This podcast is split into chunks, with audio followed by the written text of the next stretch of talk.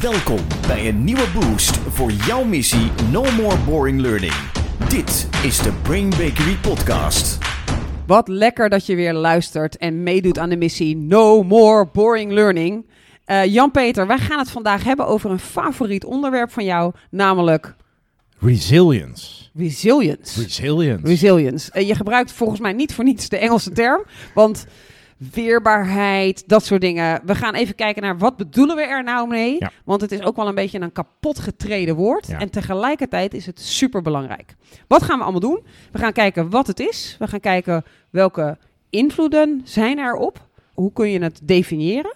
We gaan ook kijken naar, en dat is wel heel bijzonder, je kunt resilience trainen. Dus je kunt je weerbaarheid Ja. trainen. Ja. En we gaan kijken welke vier aspecten je aan kunt werken om te zorgen dat je beter wordt in je weerbaarheid. En eh, we gaan een betere definitie daarvan hebben. Uh, en we eindigen met een zelfscan. Die kun je ook vinden op onze website www.nomorebOringLearning.nl. En daar kun je een zelfscan kun je pakken. Uh, kun je voor jezelf kijken, goh, hoe resilient ben ik eigenlijk? En aan welk van de vier gebieden waar je aan kan werken, zou ik het beste aan kunnen werken? Die mag je ook delen met anderen. Je kunt hem in je training gebruiken. Een soort zelfscan van, hoe zit het eigenlijk met mijn resilience? Lekker hoor. JP, waar Ja. wil je beginnen? Nou, laten we beginnen bij wat is resilience? Ja, En dan ga ik het even niet, ik ga niet een definitie op tafel gooien, daar hebben we Nee. niet zoveel aan. Het wordt inderdaad heel vaak vertaald met weerbaarheid. Ja. Eh, maar het onderzoek geeft aan, resilience in jou als mens bestaat uit vier aspecten. Dus Ja. vier eigenschappen, dingen die je in je hebt. En de eerste van die vier is het geloof in je eigen vermogen. ja, in je eigen vermogen om dingen te kunnen, om slimme beslissingen te kunnen nemen, om er weer bovenop te kunnen komen. Dus als jij een leven hebt geleid waarin jij dingen al hebt overleefd. Hè, het leven Juist. heeft nare kaarten aan jou uitgedeeld, heeft jou nare dingen laten overkomen, heeft jou laten vallen. Hoe vaak ben je dan al opgestaan en hoeveel vertrouwen heeft jou dat gegeven over jouw vermogen om weer op te staan als je weer eens een neerviel? Een Ja. beetje de quote doet me aan denken uit Rocky. Dat vind ik zo'n prachtige, die moet ik even noemen. Oh ja. It ain't about how hard you hit. It's about how hard you can get hit and keep moving forward. Juist. Ja, dus laat je. Het gaat erom dat als je geslagen wordt en het leven zit je tegen, hoe hard kun je dat toelaten? En hoe, hoe hard kun je daar doorheen werken? Hoe Ja. hard kun je blijven opstaan als je valt? Ja. ja, mooi. Het tweede aspect waar resilience uit bestaat, is het vermogen om aan te passen. Hè, dus je kunt weer doorgaan, maar je kunt ook doorgaan op een andere route om je aan te passen aan nieuwe omstandigheden, nieuwe aspecten in je leven, nieuwe fysieke kenmerken waarmee je overvallen wordt in het Ja. leven. Hoe goed kan ik me aanpassen aan dingen die veranderen? Is dat hetzelfde als flexibiliteit of is aanpassingsvermogen dan toch echt iets anders volgens jou? Nu ga ik- Ik, vind flexibiliteit zo'n organisatieterm. Ja. Ik denk dan gelijk aan, ben je flexibel in te plannen en dat Oh, soort ja. dingen. Ja. Dus ik nee, zou- ik wil ook avonden werken hoor. Ja. Vind ik geen probleem. Ja. Dat, ja, ja. ja, dus Nee. qua, alleen al qua lading zou Nee. ik niet de term flexibiliteit dus het is nee, echt- aanpassingsvermogen. kan ik, als er iets gebeurt, bedenken hoe ik me daarop aanpas en Ja. mezelf daar ook echt op aanpas. Oké, ik snap hem. Ja. Ja. Het derde aspect is het vermogen om je eigen emoties te reguleren. Ja. Reageer je niet altijd primair, kun je soms even nadenken en dan reageren. Kun je ook al hoef je niet te reageren in jezelf weer tot rust komen of juist jezelf aanzetten om aan te gaan passen of weer op te staan, maar om je eigen emoties te reguleren. Ja. ja, want als de emoties je overvallen, dan heb je geen controle. Dus ben je niet echt resilient, want dan praten de emotie en niet jij. Ja. Dat wil niet zeggen, wat sommige mensen dan interpreteren, dat je emotieloos door het leven moet gaan. Dat je ze moet gaan onderdrukken, want emoties zijn er om het te voelen. Maar kun je ze herkennen, kun je ze reguleren, kun je ze laten ontstaan, er iets positiefs of goeds mee doen, versus onderdrukken of maar heel emotioneel zijn. Ik denk dat beide van die twee het niet zijn. Eh, reguleren is dus, ik voel dat ze opkomen en ik doe daar iets mee. Ja. Versus, ik doe helemaal niks. Doe net alsof ze er niet zijn. Ja. Ik ben helemaal niet emotioneel, riep iemand ooit tegen ons. Eh, toen toch wel vrij duidelijk was dat deze persoon emotioneel was. Of aan de andere kant, wat, wat heb ik daar nou tegenover, JP? Of aan de andere kant, eh, dus negeren van emoties, Ja. of je de emoties helemaal de baas Laten zijn Ja, en laten precies. overnemen. Heel goed. Heel goed. En dan hebben we nog het vierde aspect. Vierde aspect. Ja, en dat is, ik vind hem heel mooi, optimisme. Ja. Lukt het je om toch weer te kijken naar welke kansen zijn er. Wat kan ik hier wel uithalen? Ja. Wat kan ik nog wel in het leven? En dat vind ik het leuke van deze podcast. Ik denk dat veel mensen kijken naar optimisme als een eh, karaktereigenschap. Ja. Als in, het, je hebt het of je hebt het niet. Ja. Maar het mooie is dat je dus aan resilience, je zei het net al, is een spier die je kunt trainen. Dus ook aan optimisme kun je werken. Dat is ook Ja. een spier die je kunt trainen. Ja, wat ik ook even wil eh, benadrukken is het verschil tussen positivisme en optimisme. Ik ben zelf nogal tegen positivisme, Mhm. maar heel erg voor optimisme. Positivisme wordt vaak, en je kunt er ook iets heel goeds mee bedoelen, hè, maar wordt heel vaak gebruikt om te duiden van, ja, maar er zitten toch ook positieve kanten aan? Dus stel je voor, ik kom met je, bij jou met een podcast-idee. En het podcast-idee is echt gewoon ruk. En je zegt ook, ja, Sjane, sorry, dit is echt gewoon ruk. Dan, als ik dan positief zou zijn, zou ik denken, ja, maar welk stukje zou nog wel positief zijn? Hè? Een soort zoeken naar iets positiefs, terwijl het misschien gewoon een berg stront is. Ja. En daar gewoon niks positiefs in zit. Terwijl optimisme is dat ik me dan besef, oké, dit is heel erg rot. En doordat ik deze nu afgewezen heb gezien en ik zie nu waarom het stront is, leert mij dat weer iets om door te zoeken naar een beter onderwerp. Dus het geeft me ook ergens iets. Dus ik snap dat de definities Ja. heel erg dicht bij elkaar liggen, maar positivisme wil ik wat meer afschrijven en optimisme wil zeggen er is ook nog iets wel mogelijk. Waar, hoe kan ik daarvan leren? En staat ook toe dat je ook je emoties voelt van ja, dit was even een onwijs rotdag. Ja. Ik geloof wel dat ik de vleugels heb om hier weer van bovenuit te gaan vliegen. Eh, dat gebeurt niet misschien meteen, maar ik geloof wel, Uiteindelijk wel. uiteindelijk Ja. ga ik ook iets positiefs voelen. Ja. Iets optimistisch. Daarmee lijkt het, ik weet niet of ik het voor mezelf goed, goed vertaal, dat positivisme iets meer over een soort van bijna de vorm gaat en optimisme iets meer over de inhoud. Daar gaat iets meer intelligentie in zitten en positivisme is, eh, Ja. ik wil mijn ego nog een beetje beschermen Ja. en er nog iets uithalen of zo. Zo zie ik Ja. vaak eh, geïnterpreteerd worden van, eh, nou doe eens lekker positief hoor. Nee, ik ben optimistisch dat we zoveel krachten en intelligentie in de wereld hebben dat we goede dingen gaan doen. Ja. Maar dat wil niet zeggen dat ik niet ook realistisch ben dat het er nu soms verdomd slecht uitziet. Ja. Goed, goed onderscheid. Ja. Dit is dus wat resilience inhoudt. Ja. Ehm, Vier en- aspecten, zeg ze Ja. nog eens even een keertje. De vier aspecten waardoor je, waardoor je weet of er resilience is of niet in iemand. dat zijn het geloof in je eigen vermogen. Ja, Eh, het überhaupt het vermogen om aan te passen. Het vermogen om je emoties te reguleren. En optimisme. Ja. mooi. Heel goed.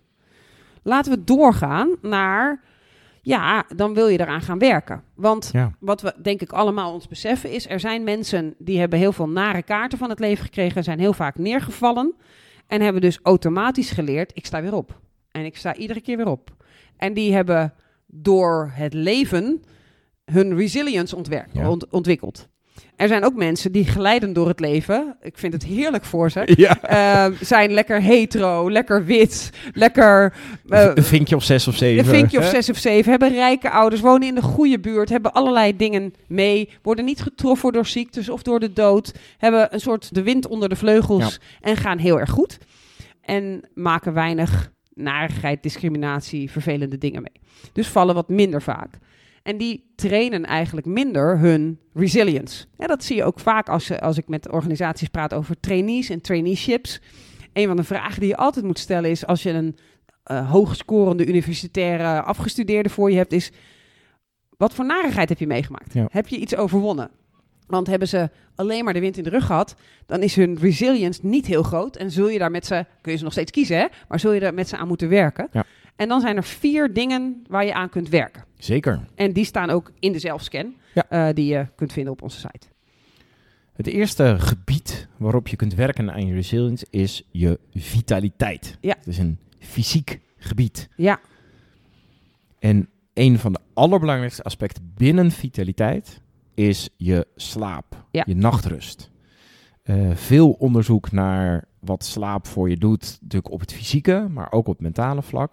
En wat we weten is dat ehm één nacht niet slapen, één nachtrust missen, levert je net zoveel in je hersenen, net zoveel stress op. Ik weet niet wat voor beeld jij hierbij gaat hebben, Sjade, maar Ja. levert je net zoveel stress op als dat eh, bijvoorbeeld je voortuin helemaal volgegooid wordt door rommel door allerlei mensen. Alsof een vuilniswagen in je voortuin gekiept wordt. vuilniszager wordt gelegen Ja, in je voortuin. ja. Oké, ja, dat geeft wel wat stress. Dat ja. geeft denk ik wel, dat geeft wel wat stress. Dus de nachtrust is een vitaal onderdeel van het onderdeel vitaliteit. Ja, dus wat we zeggen is dat op het moment dat je wilt werken aan je weerbaarheid, is een eerste aspect waar je winst zou kunnen behalen, waar je altijd eigenlijk als eerste moet gaan kijken. Het is de belangrijkste is hoe is het met mijn gezondheid? Ja. Eet ik goed? Slaap ik goed? Pak ik mijn rust? Nou, we hebben ook een podcast overgenomen, opgenomen over zeven typen rust. Dus zorg je goed voor jezelf. Want we weten, en ik denk dat we dat allemaal ons kunnen voorstellen, dat op het moment dat je niet lekker in je vel zit, en ineens snijdt iemand je af op de snelweg, waar je normaal dan nog doet. Oh, sorry dat ik in de weg reed. Of, Oh, oh. oh schat, je hebt waarschijnlijk haast, ga maar lekker. Maar dan op het moment dat je slecht in je vel zit, je, je vitaliteit is laag, dan is het toch al gauw. Terug afsnijden. Ja, dikke middelvinger, Ja. wegwezen jij, jij vieze vuile hond. Zit jij me nou ook nog dwars? Dus vitaliteit, slaap, eten, rust, goed voor jezelf zorgen, sporten, zorgen dat je daarmee goed omgaat, is bij veel dingen, maar zeker ook bij weerbaarheid en, en weerstand kunnen bieden aan narigheid, een hele belangrijke. Ja. Dus daar zou ik altijd als eerste naar op zoek gaan. Juist. We gaan naar het tweede gebied. En dat zijn de relaties Ja. in je leven. Het sociale. Ja. Ja, wat we weten, we hebben bijvoorbeeld ook al eerder podcast gemaakt over vertrouwen, over psychologische veiligheid, is dat als je je beweegt in een omgeving waar je kunt terugvallen op mensen, waarin je jezelf kunt zijn, ben je veel, kun je bijvoorbeeld veel beter je emoties reguleren. Is het makkelijker om optimistisch te zijn over het leven, dus ben je veel meer resilient. Ja, het heeft heel erg te maken met ben je in staat, heb je een cirkel van mensen om je heen waarbij jij terecht kunt die jou opvangen en die voor jou zijn, die jou het gevoel geven, ja, jij kan hiermee aankomen, ik ben voor jou. Ik heb een eh, vriendin die onlangs eh, nogal verliefd was en die had een appje gekregen. En het was zo pril dat je dat appje, dat was zo'n appje, misschien kun je dat nog wel voorstellen, dat je een soort nog semi-single was, Ja. maar was het nou aan of niet? En dan krijg je ineens een appje en dat is multi-uitlegbaar. En die had eh, vier vriendinnen, had ze dat appje naartoe gestuurd om te vragen, help me dit te interpreteren. En, en dat is echt een teken van resilience. Durf je om Ja. hulp te vragen, maar heb je ook een netwerk om je heen van mensen die dan niet gelijk zeggen, nou, eh, nou hij bedoelt natuurlijk dat hij je nooit meer wil zien. Eh, maar mensen die zeggen, oh nee, maar mop. Nee, ik snap dat jij nu tegen het plafond zit, want er zit geen hartje bij. Maar hij bedoelt het waarschijnlijk zo. Ga eens even deze reactie geven. Dat draagt zo ontzettend bij aan je resilience. En heel vaak denken we dat die resilience een soort in ons zit. Hè? Een soort heilig ding Ja, wat wij hebben of Ja. niet. Zoals je aan het begin van de podcast al zei. Maar resilience is dus ook, heb ik een netwerk om me heen die kan bellen. Ik zie het niet meer zitten. Zeg iets goeds. Of ik heb een hele nare dag gehad. Help me even. Of ik ben zo blij, dat wil ik even met je delen. Oh, wat lekker. En het Ja. wordt vermenigvuldigd voor je. Ja. Dus heb je mensen om je heen die voor jou zijn en die bereid zijn om dat je te laten voelen. En niet alleen mensen om je heen die energie kosten of die altijd gaan waarschuwen voor iets naars. Dus dat is een hele belangrijke component om aan jouw eigen resilience te werken. Is namelijk zorgen dat je netwerk in orde is. Juist. Heel apart. Ja, liefdevolle, steunende mensen Ja. om je heen. Het volgende gebied, derde gebied, is de growth mindset. Het gaat over leren, het gaat over nieuwe strategieën bedenken in het leven om eh, tot mooie dingen te komen. Eh, het gaat ook over het voeden van je brein, het voeden van je ziel met nieuwe kennis die waardevol voor je is. Het gaat heel erg. Ik denk dat deze het dichtst ligt. Ik weet niet of jij dat ook denkt, maar dat deze het dichtst ligt bij dat vertrouwen hebben in jezelf. Ja. eh, wat je aan het begin noemde. De growth mindset is natuurlijk de overtuiging hebben dat als je hard werkt en slim werkt en je goed inzet, dat je dan beter kunt worden in Ja. iets. Dat is de essentie van een groeimindset. En die kun je op verschillende gebieden in je leven hebben. Maar je kunt ook werken aan dat je jezelf een groeimindset geeft. Juist op het moment dat je ontdekt dat jij denkt, ja, dubbeltje geboren en wordt nooit een kwartje. Oh, we hebben waarschijnlijk hele jonge luisteraars. Dat was voor de euro. Ehm, maar het fatalistische van, ja, maar dit is nou eenmaal mijn IQ, het wordt nooit beter. Dat kun je heel goed aanvallen. Dat kost echt moeite, hè? Want, want, want je brein zit helemaal vast en heeft bewijzen. Ik ben nou helemaal niet goed in wiskunde, ik ben daar nou helemaal niet goed in. Maar je kunt werken aan, wacht even, als ik me slim inspan, als ik het vaker doe, als ik het uitprobeer, als ik een goede leerkracht neem, als ik zorg dat ik in het Goldilocks principle stukje kom waar het net moeilijk genoeg is en net niet te moeilijk. Als ik daar ga zitten, dan kan ik beter worden. En dat ehm, is bewezen dat ieder mens dat kan, maar kost wel moeite. Ja. Kun je aan werken. je ziet natuurlijk meteen een verband met dat vorige aandachtsveld, je relaties. Ja. Want die kunnen je daar heel erg bij helpen. Als Ja. je het goede netwerk om je heen hebt, die kunnen zeggen: Ik snap dat je er even doorheen zit, maar ik heb je eerder dit soort dingen zien doen. Eh, jij bent in staat tot, eh, om hier weer uit te komen Ja, of zoiets. Ja. Precies, heel goed. Dan hebben we het vierde gebied en dat is het gebied van de purpose. Ja. Heb je het gevoel dat de dingen die je doet in het leven, dat die bijdragen aan wat voor jou je purpose is, aan iets groters, iets, iets relevants, iets in de samenleving of de organisatie waarin je werkt? Heb je het gevoel dat je bijdraagt aan purpose? Ja, dus als jij jouw leven stelt of jouw werkend leven stelt ten behoeve van iets groters, dan is het veel makkelijker om op te staan als je neergeslagen wordt. Ja. Want dan ben je niet aan het werken aan, ik wil graag 100 euro meer verdienen. Met alle respect voor mensen die echt 100 euro tekort komen per maand. Hè? Maar je bent niet aan het werken voor jouw portemonnee, voor het overleven voor kleine dingen. Maar je bent aan het werken van, ik wil dat mijn hele buurt het beter heeft. Ik wil dat eh, eh, jongeren kunnen sporten, ook in mijn wijk. Ik ben iets, met iets groters be- bezig. En als je dus een leven leidt waarin je dat purpose voelt, waarin je bijdraagt aan iets dat meer is dan jezelf, waarbij je misschien heel simpel gezegd de wereld iets mooier achterlaat dan toen je hem aantrof, en dat je je daarvoor inspant, dan is het veel makkelijker om resilient te zijn, want dan ben je met een groter doel bezig. Dus dan kan ik vandaag een klap voor mijn bek krijgen en neervallen en een tegenslag hebben. Maar dan sta ik de volgende dag weer op en denk ik, ja, maar ik vind de jongeren toch belangrijk. Ja. Let's go. Ja. Eh, ik ben nu misschien heel verdrietig hierover. Maar ja, die jongeren staan daar nog. Let's go. En die krijgen nu die kans niet. Ik wil ze wel die kans geven. Ja. ja, dan kun je het grote geheel gebruiken om jezelf weer, eh, weer omhoog te krijgen. Ja, zo te zeggen. Precies. Ja. Ja. En dat is dan makkelijker dan als je voor jezelf alleen Ja. hier op je vierkante millimeter aan het redeneren bent. Het lekkere is dus dat je aan resilience kunt werken. Het Ja. is een spier die je kunt trainen. Dat is echt het mooie eh, nieuws in deze podcast. Ja. En dat doe je dus via die vier gebieden. Ja. Zo hebben we vitaliteit, onder andere je rust en je lichamelijke gezondheid. Eh, de relaties die je hebt in je leven. De growth mindset, je vermogen om te leren en aan te passen. En het gevoel van purpose. Draag ik bij aan een groter geheel. Ja, lekker. Aan die vier dingen kun je dus werken. En je kunt dus een soort zelfscan doen. We hebben daar wat vragen bij bedacht, waardoor je voor jezelf aan kunt geven hoe zit ik daarin.